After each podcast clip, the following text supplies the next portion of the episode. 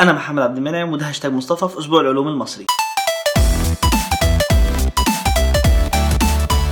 Hi السلام عليكم. ازيكم؟ عاملين إيه؟ تمام الحمد لله. يا رب دايما تعرفوا في ناس كتير مش بس كنت من 17 واحد فاتوا الحلقات اللي فاتت يبقى الحمد لله تعرفونا تفهموا الحلقة دي كويس جدا لكن أنتوا بوجودوا دي ربنا يستر. بما ان وكاله ناسا اكتشفت مجموعة جديدة من الكواكب فبديهي مع الوقت إن هي تكتشف مجموعة جديدة من المخلوقات. وممكن المخلوقات دي تكون عايزة تزور الأرض مثلا فلازم تكون عارفة العنوان بتاعنا فين. عنوان الكوكب ده ما يتوهش. انت بتكون ماشي في الكون الكبير ده جدا. هتلاقي مجرة اسمها درب التبانة. ادخل فيها وافضل ماشي شوية هتلاقي تالت كوكب جنب الشمس. اسمه الأرض. إحنا قاعدين هنا اسأل عليا هتلاقيني. عادي جدا. هتلاقي الكوكب ده متدمر وهلكان وفيه مشاكل كتير. لأنه تقريبا عنده 4 مليار و500 مليون سنة. أنت لو شفت واحد عنده 80 سنة هتلاقيه مكسح ومش قادر يقف. فما بالك بقى بكوكب عايش عليه ناس كتير. المهم العلماء صحابي بيقولوا لو حبيت تجي لي من خارج مجرة درب التبانة هتحتاج تقريبا 100000 سنة ضوئية. على فكرة المدة دي تعتبر نظرية مش حقيقية لأن مفيش حد قاسها فعلا. أوكي النظرية مش حقيقة. في معلومة مهمة جدا لازم تعرفوها. في فرق ما بين النظرية وما بين الحقيقة. النظرية هي صورة قريبة للحقيقة مش هي الحقيقة. العلماء بقى اللي أنا عارفهم لما بيحبوا يطلعوا نظرية جديدة أو يثبتوا نظرية عشان يقربوا للحقيقة بيعملوا حاجة بسيطة جدا. أول حاجة بيعملوا تجربة.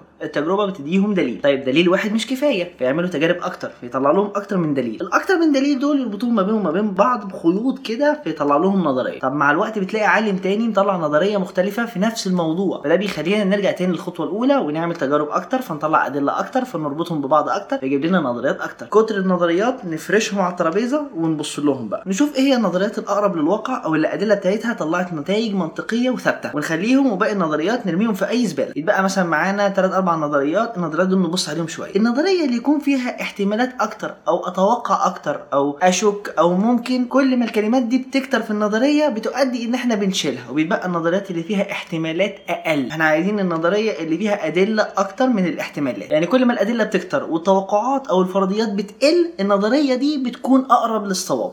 مش الصواب هي أقرب. وبالنظريات العلماء بينوروا الضلمة. آه ما ينفعش أقول بينوروا الضلمة عشان هي بتاعت إيجيكولوجي بس المهم يعني إيه هي العلماء بيعملوا كده. أنا أعمل إيه؟ هي دي الكلمة اللي ينفع تتحط. فهي ال 17 واحد كده نكون وصلنا لآخر حلقة من سلسلة حلقات أسبوع العلوم المصري. أنا مش عارف إزاي عديت الأسبوع ده وكل يوم بنزل فيه حلقة أو حلقتين يعني 17 حلقة خلال أسبوع واحد وده كان ضغط كبير جدا. أشكر الناس اللي اتفاعلت معايا واللي كانت عمالة تضغط like like like على الفيديوهات. لو أنت ما كنتش شفت الفيديوهات ادخل على كل الفيديوهات واتفرج عليها وبرضه اعمل like وانشرها. أنا هستنى بس فترة بسيطة لحد ما ال 17 حلقة اللي نزلتهم خلال الأسبوع ياخدوا حقهم في المشاهدة والنشر والإعجاب وكل حاجة.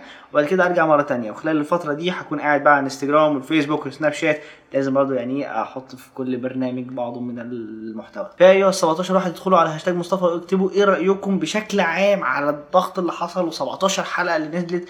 وانشروها واعملوا كمان like ليها و subscribe للقناة وشغلوا التنبيهات عشان لما ارجع انزل حلقات يجي لك خبر. كان معاكم محمد بن في هاشتاج مصطفى في أسبوع العلوم المصري. سلام. أسبوع العلوم المصري مصر بتتكلم علم.